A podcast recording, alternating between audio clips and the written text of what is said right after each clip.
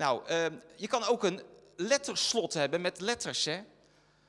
En stel, als we naar de hemel gaan en er is zo'n codeslot. Niet in cijfers, maar in letters. Welke letters moet je dan intoetsen om naar binnen te gaan? Wel, is dat een B met een O, met een E, met een D, met een D, met een H en met een A? Is dat de code, denk je? Nee. Is dat een code die begint met zo'n M? Nee. De code die je moet toetsen is J. E. Z in het Nederlands. Als je van de Nederlandse afdeling bent. Dus de U is de S. Jezus. Het is zo belangrijk hè, dat, dat, dat mensen dat beseffen, dat het de enige sleutel is om te komen in het koninkrijk van God. Om toegang te krijgen tot de Vader, en dat is Jezus. Immanuel, God dichtbij.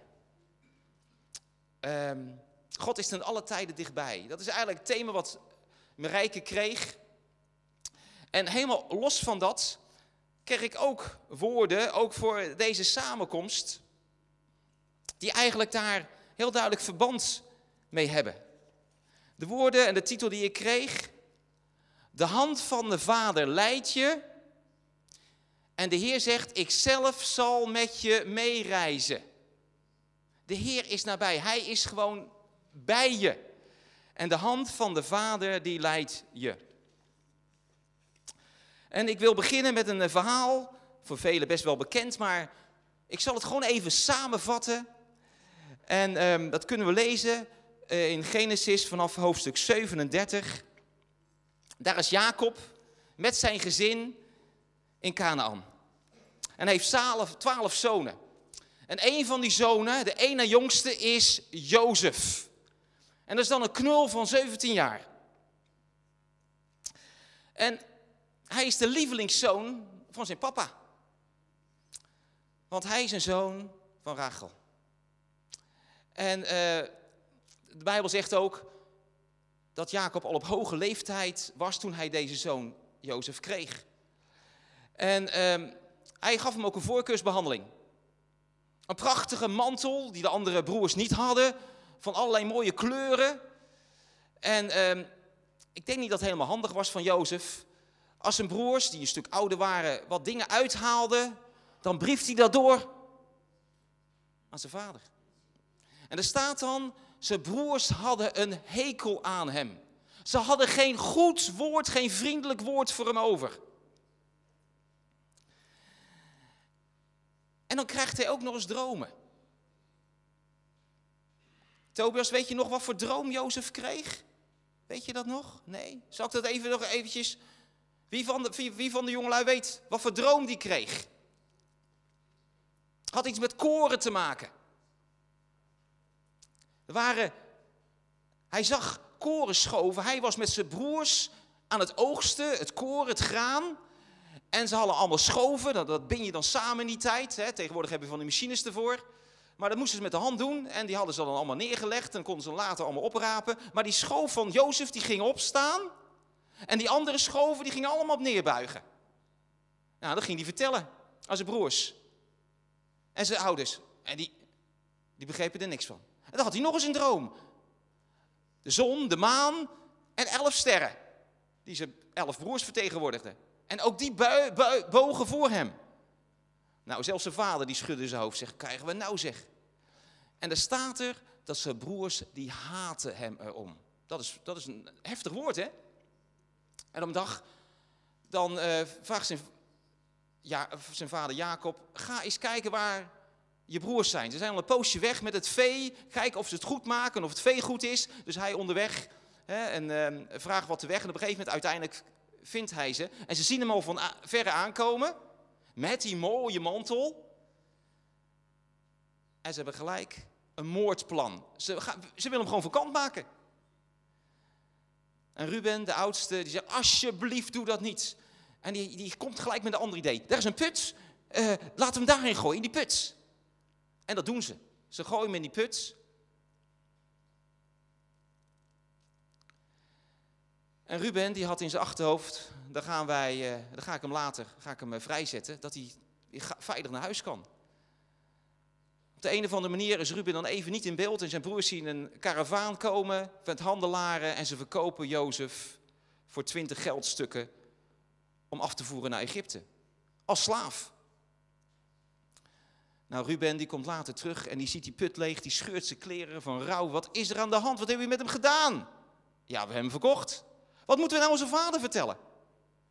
Nou, ze komen met het plan van, nou, laten we zijn mantel maar eventjes in het bloed uh, drenken en dan zo naar onze vader brengen. Ze doen het geen zelf, ze, ze brengen die mantel en geven het bericht mee van, zou dit het kleed van uw zoon zijn?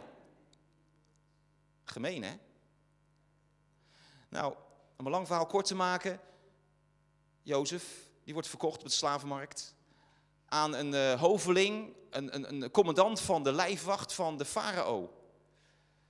En uh, er staat dan, dat is een tekst die ik ook uh, hier op het bord heb. De, uh, de Heer stond Jozef terzijde, zodat het hem goed ging. Hij mocht in het huis van zijn Egyptische meester werken. De hand van de Heer was op hem. God was nabij. Bij Jozef. En het ging hem goed. En hij kreeg een functie in de gevangenis. En op een gegeven moment kwamen er twee hovelingen, een opperbakker en een uh, opperschenker, die kwamen in de gevangenis. En na geruime tijd staat er in de Bijbel, kregen ze op dezelfde nacht een droom. En uh, ze waren helemaal ontstemd, ze wisten niet wat dat betekende. En uh, Jozef die komt met hen in gesprek. En hij geeft aan dat God degene is die uitleg geeft aan dromen. En hij vertelt de droom maar eens. En die ene droom van uh, de schenker, die ziet daar uh, drie ranken waarop volle rijpe vruchten aankomen. En Jozef die krijgt de uitleg, over drie dagen zul je vrij zijn. Dan zul je weer bij het hof kunnen dienen. En de bakker, die zegt, nou, dat is uh, mooi uitgelegd. En mijn droom was het volgende. Ik had drie manden met brood op mijn hoofd. En in die bovenste mand kwamen de vogels en die pikten in dat lekkere gebak en dat brood. En zo werd ik weer wakker. Dat was een minder gunstige uitleg voor hem. Over drie dagen, drie maanden, drie dagen, zul je eigenlijk berecht worden. Zul je gedood worden. Zullen zelfs je vogels op een gegeven moment in je vlees pikken. En precies zoals het Jozef heeft uitgelegd, gebeurde het. Jozef had nog tegen de schenker gezegd: hey, vergeet me als je niet, niet. Doe een goed woord bij me. Voor, bij, uh, bij de farao voor mij. Maar hij vergat het helemaal. En er gaan twee jaar overheen. En dan heeft de farao twee dromen in dezelfde nacht. Bijzondere dromen. de ene droom, waar gaat de ene droom over?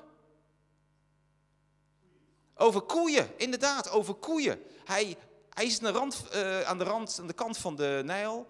En hij ziet opeens hele volle koeien, lekker vol met vlees, uit de Nijl komen. En daarna komen drie hele magere scharminkels van koeien uit de Nijl. En die eten die vette koeien op. En hij heeft nog een volgende droom. Hij ziet vanuit één halm zeven korenaren komen, helemaal mooi vol. En daarna zeven hele magere korenaren. En die magere, die eten die volle op. En de koning is ontstemd en die wil uitleg, maar hij krijgt geen uitleg. En opeens gaat er een lichtje branden. Bij de schenker. Hey, dat is waar. Twee jaar geleden zat ik in de gevangenis met de bakker. En er was een man, een Hebreeër, en die heeft me droom uitgelegd.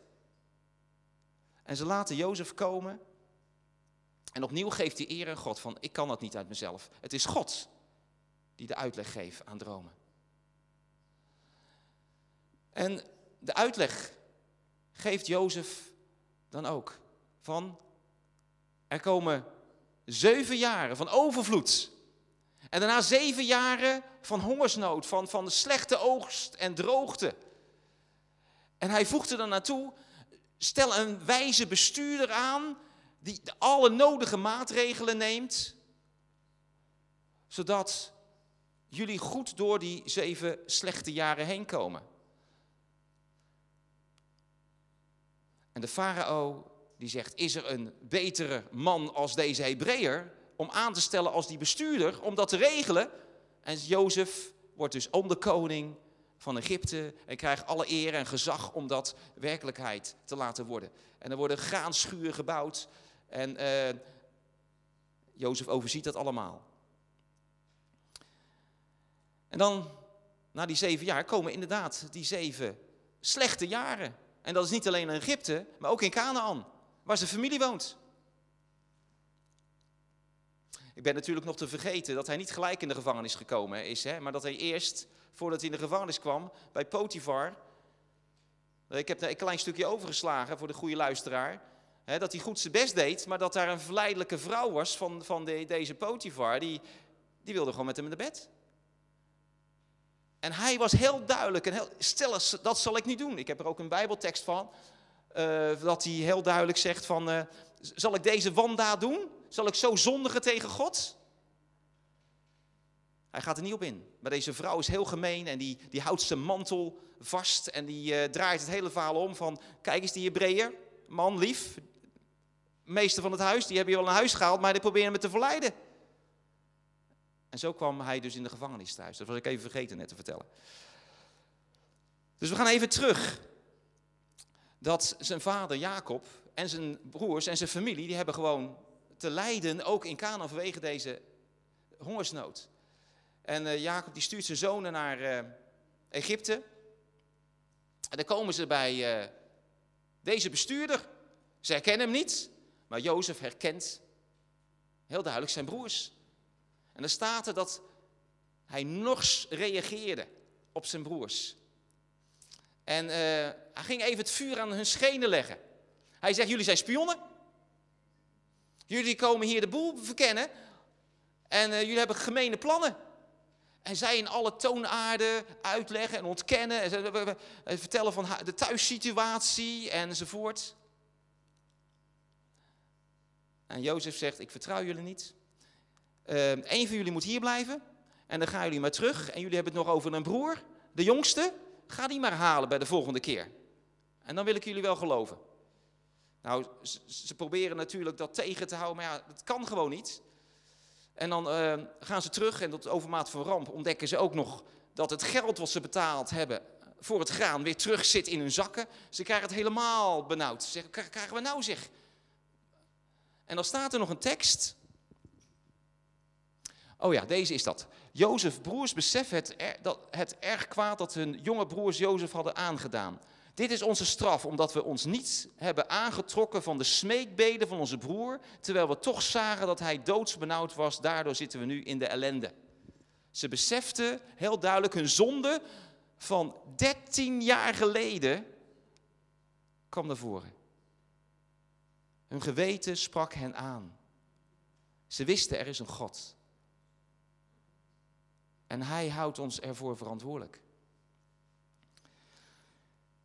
Terug bij hun vader, met het graan wat ze gekocht hebben, vertellen ze het hele verhaal dat Simeon achtergebleven is in de gevangenis in Egypte. En dat ze de volgende keer Benjamin mee moeten nemen. Nou, geen haar op het hoofd van Jacob die daaraan dacht. En op een gegeven moment het voedsel op. En hij uitstellen en uitstellen, maar zijn zonen zeggen, alsjeblieft, we moeten echt gaan. We hadden al twee keer heen en weer kunnen gaan, zeggen ze. We moeten nu echt gaan, we moeten Benjamin meenemen. Nou, uiteindelijk geeft hij toe. En dan komen ze bij de onderkoning, bij hun broer Jozef, die ze nog steeds niet herkennen. En uh, die richten een maaltijd voor hen aan. Ze zitten ze allemaal nog eens op leeftijd aan de tafel. Ze begrijpen er helemaal niks van. Benjamin krijgt extra eten, begrijpen ze ook helemaal niks van.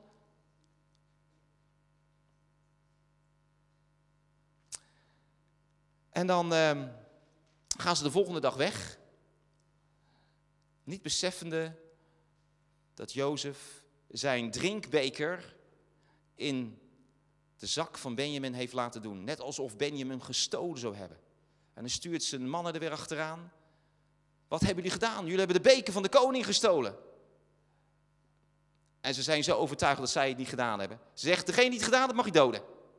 En ze beginnen bij de oudste, ze eindigen bij de jongste en daar lacht inderdaad de beker. Ze, ze krijgen benauwd.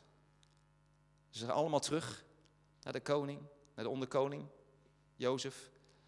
En ze proberen nog zeggen, ja, zegt, uh, ik geloof dat het Juda was, van laat mij dan die straf opnemen. Ik ga wel de gevangenis, maar laat alsjeblieft Benjamin gaan.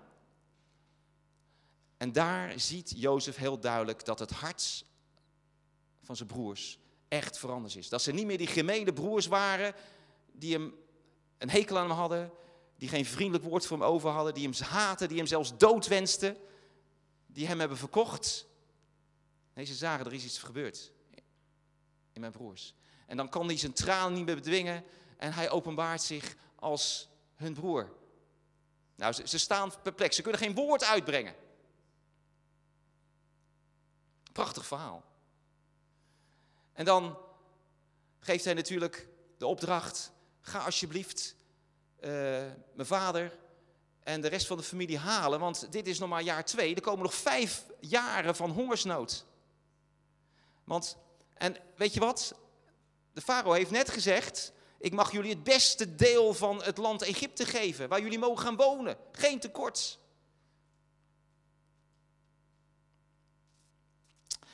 En dan uh, Jacob, die gaat onderweg en hij brengt dan een offer voor de Heer. En dan krijgt hij een visioen. En daar is ook, ook een tekst van. Er staat in uh, Genesis 46, vers 3: Ik ben God, de God van je vader. Wees niet bang om verder te reizen naar Egypte, want ik zal daar een groot volk uit je doen voortkomen. Ik zelf zal met je meereizen. En ik zal je daar weer vandaan brengen. Hier was de belofte. En er staat achter ook dat hij in de schoot van zijn zoon Jozef zou sterven. Maar dat ik zal je daar weer vandaan brengen, is heel duidelijk ook. Hij zal meegenomen worden weer. Zijn lichaam, maar ook het volk. Wat uit hem voort zou komen, zou ook weer teruggaan naar het beloofde land van, uh, aan Abraham. Dit is het uh, verhaal van Jozef in vogelvlucht.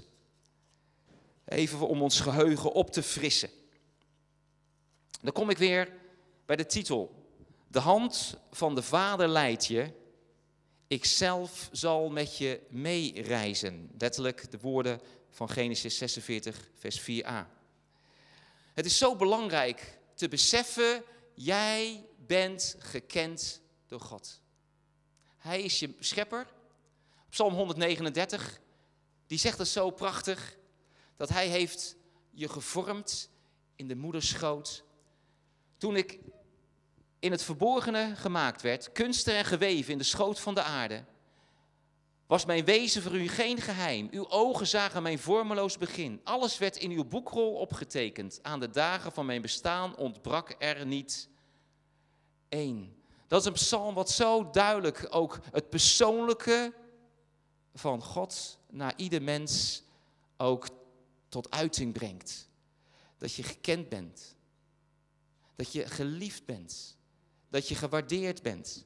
Dat God je op het oog heeft. Immanuel, God bij ons, God bij jou. Wat ook zo mooi naar voren komt in het verhaal uit het leven van Jozef, God overziet de geschiedenis.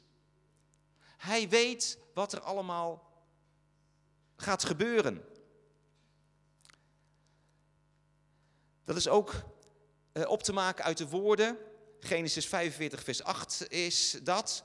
Die wil ik ook nog even citeren. Waar Jozef tot zijn broers zegt: Niet jullie hebben mij dus hierheen naar Egypte gestuurd, maar God. God heeft mij voor jullie uitgestuurd om jullie voortbestaan op aarde veilig te stellen. Zo wilde God, Yahweh, levens redden.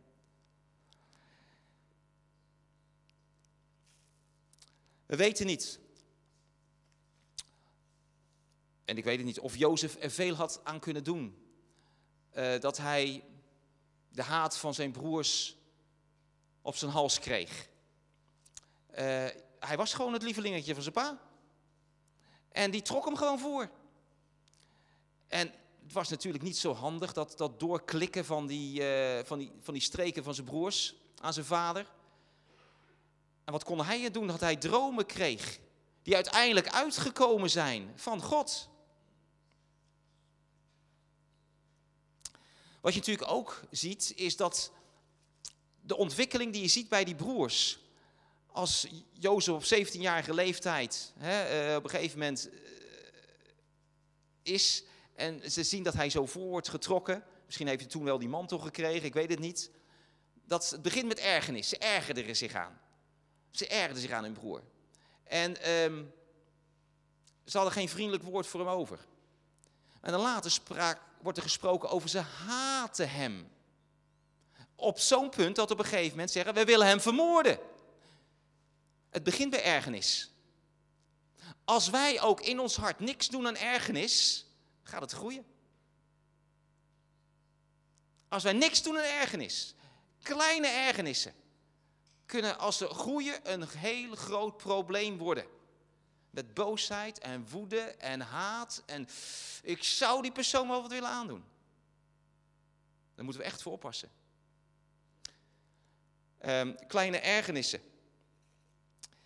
Was leuk, gisteren waren we met elkaar, uh, met mijn zwagers, naar Rotterdam gereden. Onze Mark en, en die voegden zich bij ons. En uh, wat, wat konden we doen op zo'n dag? Uh, nou, weet je wat, we gaan naar de SS Rotterdam. Dat is dat grote schip daar, dat cruiseschip aan de, op Katendrecht. En dan kan je wat gebruiken op het promenadedek. En dan heb je eerlijk uitzicht over de stad Rotterdam. En het is zo met elkaar.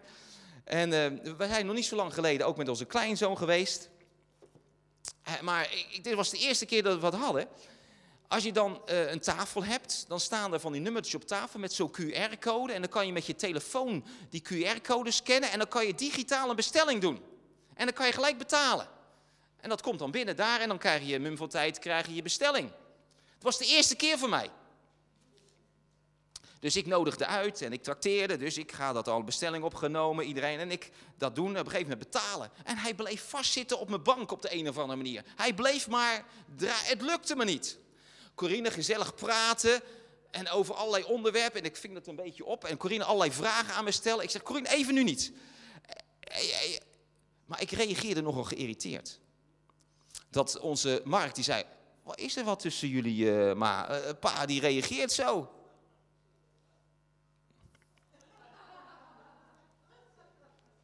Vanmorgen heb ik eventjes toch vergeving moeten vragen. Ik zei, je hebt gelijk, ik was gewoon niet zo vriendelijk. Ik had het ook op een vriendelijke manier kunnen zeggen.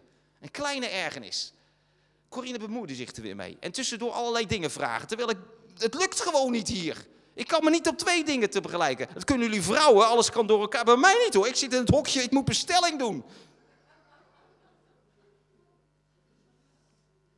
Kleine ergernis. Maar het is belangrijk om er gelijk wat aan te doen, hè? Om het gelijk uit de weg te werken. Want anders gaat het. Maar hoe vaak gebeurt het niet? In vriendschappen, in, dat je dat die ergernis laat je, je, rekent er niet goed mee af. En dan komt er nog eens een ergernis bij, nog eens een ergernis. En je, je voelt nog meer negatieve emotie of energie richting een bepaald persoon. En dat kan zo vernuikend zijn. Laat dat ons als volgelingen van de Heer Jezus Christus niet gebeuren. God had een plan met Jozef.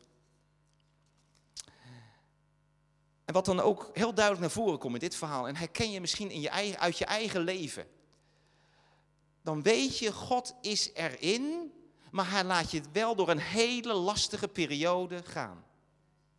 Je weet, Gods hand leidt me. Zie, ik ben met je op deze reis. Maar je weet ook, hij laat dingen toe die je niet leuk vindt. Hoe zal Jozef zich gevoeld hebben in die put? We lezen later het commentaar van zijn broers, die zeggen van, we zagen hem eh, doodsbenauwd, we deden niks aan zijn hulpgeroep. En we hebben hem gewoon maar zijn lot aangeovergelaten. Hij, hij is doodsbang geweest. Want hij zag gewoon de haat en de woede in hun ogen. Ze kunnen me hier in die put stoppen, maar straks gaan ze me zien vermoorden. Of ze, putten, ze gooien steen in die put, of wat, wat ze ook maar gaan doen. Hij heeft doodsangsten uitgestaan. En daarna hebben ze hem verkocht op de slavenmarkt. Doe je mond eens over, Jozef. Kijk of hij goed gebit heeft. Daar sta je dan. Maar de hand van de Heer was er op. Want ik kwam in een huis waar hij op uiteindelijk verantwoordelijkheid kreeg, waar hij zich zijn leiderschapskwaliteiten kon uh, uiten. Maar dan wordt hij weer heel gemeen behandeld door die vrouw van Potifar. Heel onterecht beschuldigd van iets wat hij helemaal niet wilde. En dan komt hij in de gevangenis terecht. Zo kunnen er dingen gebeuren in ons leven. Misschien niet zo heftig als dat van Jozef, maar toch. Je denkt, Heer. Maar God overziet het. God heeft een plan. Dus in welke situatie je ook bent, vertrouw dat God, je Vader in de hemel, je bij de hand heeft. Dat Hij bij je is op de reis die je moet doormaken, ook al is het een heftige reis. Gisteren las ik een uh, illustratie, gewoon even op uh, nu.nl, van een, uh, een of andere regisseur die het heeft gemaakt. Um, die heeft lekker geld verdiend. En ehm, die had openlijk gezegd het volgende. Ja, als jochie was ik al aan hoe noem je dat? scenario's aan het schrijven. Ja, gewoon. hoe noem je dat? ja, scenario's aan het schrijven. En mijn leerkrachten, die, dacht, die dachten dat de kantjes eraf liep. En mijn moeder die begreep het helemaal niet. En mijn moeder werd heftig naar mij toe. En toen heb ik me voorgenomen, als ik rijk word, ik zal geen cent aan mijn moeder betalen. Hij, en hij zegt heel triomfantelijk, dat heb ik nooit gedaan. Tot de dag van vandaag, ik heb haar geen huis geschonken. Ik heb haar geen vakantie betaald. Ik heb één keer haar belastingen gedaan. Haar erbij geholpen, maar verder niet. Wat anders reageert Jozef naar zijn broers en naar zijn familie toe.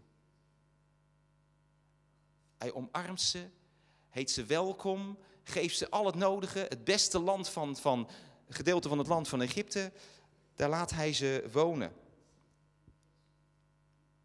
Hij heeft een zegenende houding. Hij is niet bitter, maar hij is beter ervan geworden.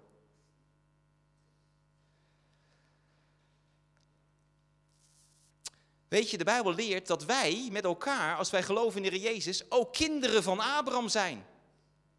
Wij zijn deel van het verbondsvolk geworden. Gods oog is ook op jou.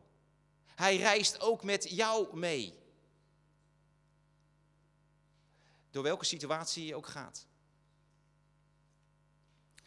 Ik heb al heel wat keren gehoord van broeders en zusters. En één keer heb ik het zelf ook meegemaakt toen ik zelf in het ziekenhuis eh, lag dat als je in het ziekenhuis kom, terechtkomt als christen, en dan heb je ervoor gebeden van Heer dat, het mij, dat, dat ik niet zo ver komt dat ik in het ziekenhuis ho, behoef te komen, maar het gebeurt toch, want het moet toch, weet je wel, je bent daar. En dat je opeens gelegenheid krijgt om van je geloof te getuigen tot een medepatiënt, tot een bezoeker. En denk je van, nou zou de Heer het hier voor ook toegestaan hebben dat ik op dit moment in mijn situatie als patiënt in het ziekenhuis een getuigenis kan geven. Ik heb dat zo vaak gehoord. En ook zelf één keer meegemaakt. Toen ik pas getrouwd was.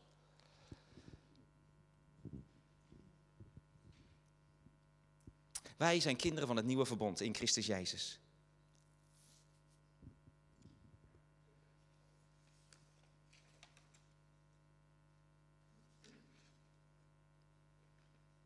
Ik wil nog iets zeggen over die dromen. Wat opvalt in het verhaal, in deze gebeurtenis van Jozef, heel wat keren komen dromen voor. Jozef zelf droomt, de schenker en de bakker die dromen, de farao droomt. En Jacob krijgt een visioen, zijn vader, met heel duidelijk de goedkeuring en de aanmoediging van de Heer zelf om gewoon naar Egypte te gaan. En dat dat goed is, zijn zegen. Er staat in 1 Korinthe 14, vers 1. Jaag de liefde na. Streef naar de gaven van de geest. Vooral naar die van profetie. Het is heel belangrijk om in alles de liefde, de agape-liefde, dat is een opofferende, gevende liefde, na te jagen. En dat kan omdat de liefde van God in onze harten is uitgestort. De liefde van God, de liefde die ons christen op een gegeven moment ook drinkt. De liefde van Christus drinkt mij, zegt Paulus. En daarna zegt hij, en streef naar de gaven van de geest. En vooral naar het profiteren. En ehm, het gaat hier over dromen. Onze jongste zoon, Mark, die heeft zich een paar jaar geleden, eh, op een gegeven moment is het, dat is, heeft zijn hart geraakt. Van, Heer, ik wil dromen, dromen van u. Heer, ik zet mijn hart erop. Geef mij dromen van u. Dat is een streven van, Heer, bovennatuurlijke dromen. En waarachtig, zo af en toe krijgt hij een bovennatuurlijke droom. Gisteren, toen ik bezig was met die app, die niet lukte, ving ik zo af en toe wat op. Wat hij aan Corine vertelde, dat ging over twee dromen. Eén over zijn oma en even, één over ons. En Corine heeft me dat later verteld. En dat was bijzonder. Door onze jongste zoon heen. Dromen. God geeft nog steeds dromen aan zijn kinderen. En, ehm, en het kan zijn dat in sommige van ons hij een extra verlangen legt van Heer, geef me dit soort dromen. Ik denk niet dat Jozef erom gevraagd zal hebben, die dromen hoor. Maar wij als kinderen van het nieuwe verbond, kinderen van Abraham. Heer Jezus is onze Heer en Koning. Wij mogen ons uitstrekken naar de bovennatuurlijke gaaf van de Heilige Geest. Waaronder profetie, wat hier genoemd wordt. Het profetische woord. Waar je op een gegeven moment ervaart van, hé, hey, dit is een woord van God. Die je ook door mag geven aan anderen. Waar je anderen mee mag bemoedigen. Maar er worden nog veel meer gaven genoemd. Gaven van genezingen. Bovennatuurlijke gaven van wijsheid en kennis. Ook en andere gaven. Het is goed om je daarnaar uit te strekken, om daarnaar te streven. De hand van de Vader leidt je. Ik zelf zal met je meereizen. Dan kom ik bij een tekst in Johannes 1, vers 18. Ik heb hem van de week ook op uh, de contactgroep via Zoom ook uh, uh, gelezen en daar hebben we kort over gesproken. Dat, is, dat zijn die bekende woorden. Ook lied 2 die we net hebben gezongen ging eigenlijk over Johannes hoofdstuk 1. Hè, voor degene die dat zich nog kan herinneren. Er staat in Johannes 1 vers 18. Niemand heeft ooit God gezien. Maar de enige zoon die zelf God is, die aan het hart van de Vader rust, heeft hem doen kennen. Als je mediteert, als je nadenkt over deze tekst, wat hier staat. De enige zoon die bij het hart van de vader was. Een andere vertaling bij het boezem, aan de boezem van de vader was. Die heeft de vader doen kennen. Als we tot geloof komen, velen, ik weet niet, bij de meesten hoor ik dat wel. Je, je hebt een ontmoeting met Jezus. Je beseft, Jezus is mijn verlosser. Hij is voor mijn zonde aan het kruis gestorven. Het pakt je. En Jezus, die is gekomen om onze relatie met de Vader te herstellen en ons de Vader te doen kennen. Dat we de God leren kennen als onze hemelse Vader. Een goede, goede Vader die te vertrouwen is. Die ons bij de hand neemt. Die zegt, ik ga met je mee. Jezus heeft gezegd, wie mij heeft gezien, heeft de Vader gezien. Jezus heeft gezegd, ik zie, ik ben met jullie alle dagen tot aan de voleinding van de wereld. Vader en de Zoon door de Heilige Geest zijn bij ons.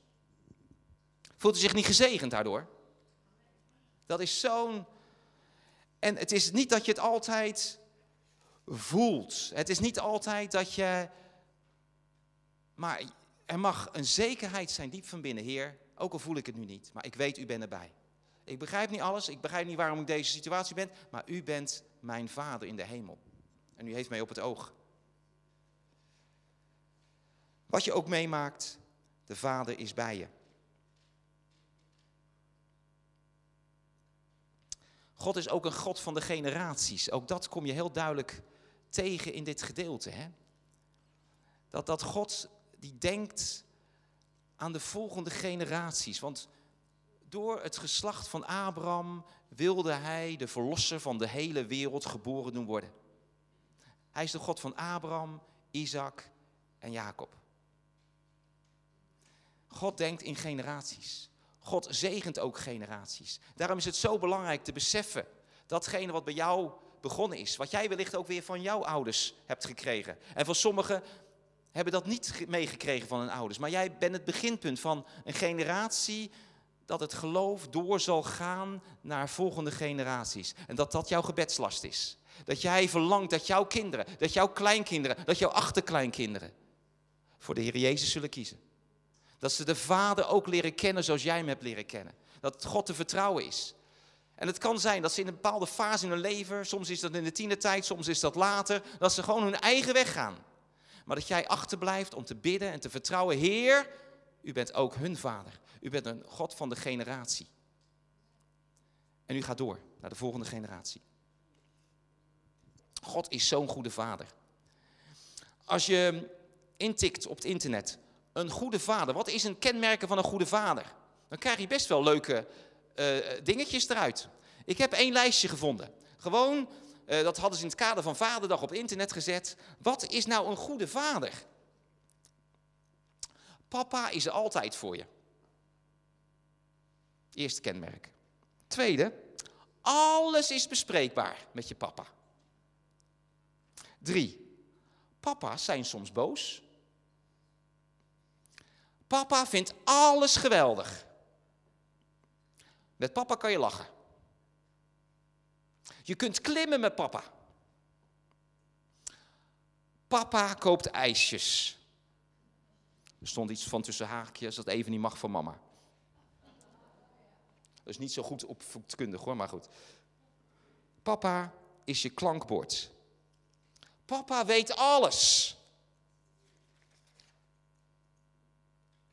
Papa kijkt en speelt mee. Gewoon een willekeurig lijstje wat ik van internet haalde. En er zitten zulke waardevolle dingen in. Waar ook een aantal emotionele behoeften ook in zitten.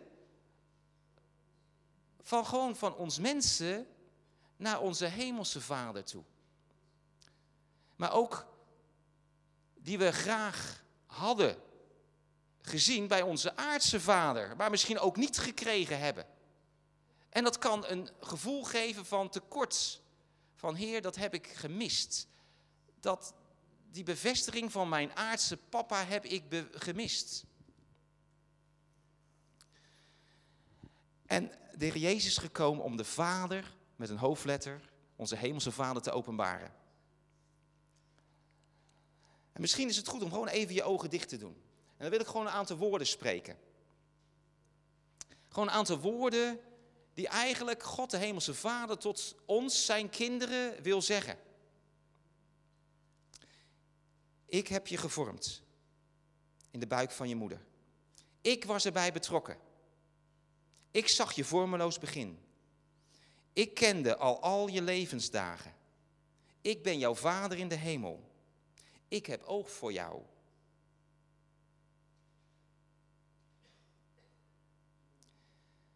Uit het hart van de Vader is daar aandacht en zorg. En hij zegt, kom tot rust bij mij. De Heer Jezus nodigt uit. Trek je terug in je binnenkamer. Stort je hart uit bij je Vader. Bid in de naam van Jezus. Want door de Zoon mag je vrijkomen tot de Vader. Hij die in het verborgene ziet, hij zal je ervoor belonen. Ik ben bij je. Ik wil je bevestigen als mijn zoon, als mijn dochter. Ik ben geduldig, ik ben genadevol, ik ben vergevend. Ik heb het beste met je voor. Mijn hand leidt jou. Ik zal met je meereizen. En dan kom ik tot bij een van de laatste, eh, een van de, misschien een van de laatste versen die ik wil e-, gewoon even, even wil noemen uit Johannes 10. Daar zegt Jezus, mijn schapen luisteren naar mijn stem. Ik ken ze en zij volgen mij. Ik geef ze eeuwig leven. Ze zullen nooit verloren gaan en niemand zal ze uit mijn hand roven. Wat mijn vader mij gegeven heeft, gaat alles te boven. Niemand kan het uit de hand van mijn vader roven. Niemand kan jou uit de hand van de hemelse vader roven. Misschien viel je dat ook nog even op in het rijtje wat ik net noemde. Papa is soms boos.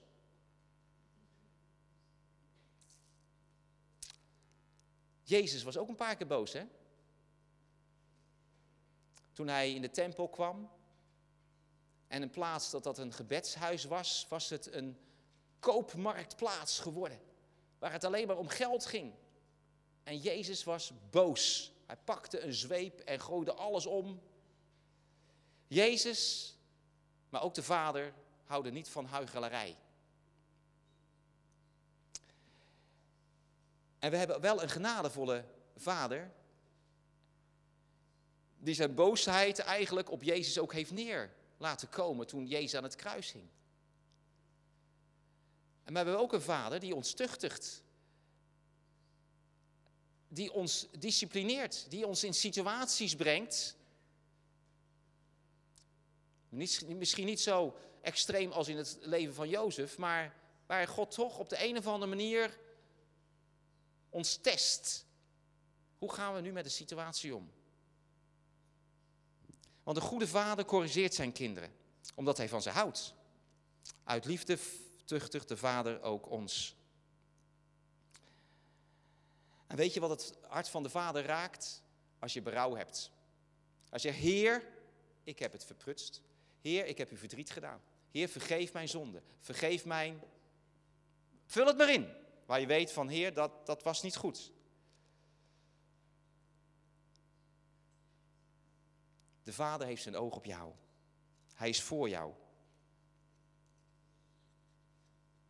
Wat moeten wij hiervan zeggen? Romeinen 10, vers 31. Als God voor ons is, wie kan dan tegen ons zijn? Zal Hij die zijn eigen zoon niet heeft gespaard, maar Hem omwille van ons allen heeft prijsgegeven, ons met Hem niet alles schenken? Wie zal Gods uitverkorenen aanklagen? God zelf spreekt hen vrij. De hand van de Vader leidt je. Ik zelf zal met je meereizen. Hiermee wilde ik jullie bemoedigen. Met deze woorden. Dat dat diep in je hart mag zijn. Dat je ook de verschillende lessen die in dit gedeelte naar voren kwamen. Ook heel duidelijk gewoon toepast in je eigen leven. En dat je ja, bemoedigd bent. Dat Hij je in jouw situatie kent.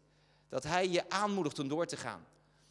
als, als, vader dat heb ik mezelf. Je kunt het. Kom op, even doorzetten. Ja, je, je kunt dat leren. Je kunt dat fietsen leren. Je kunt dat zwemmen leren. Even, even, even doorheen. Je moet er even doorheen. En zo moedigt de Vader ons ook aan om te groeien. Om Hem beter en beter te leren kennen. Om de gaven ook toe te passen. Om uh, de liefde na te jagen. En dat is onze uitdaging. Elke keer weer opnieuw. Zullen we bidden met elkaar?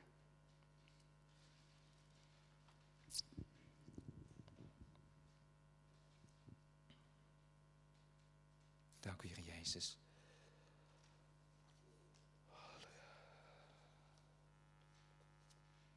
Dank u, Jezus.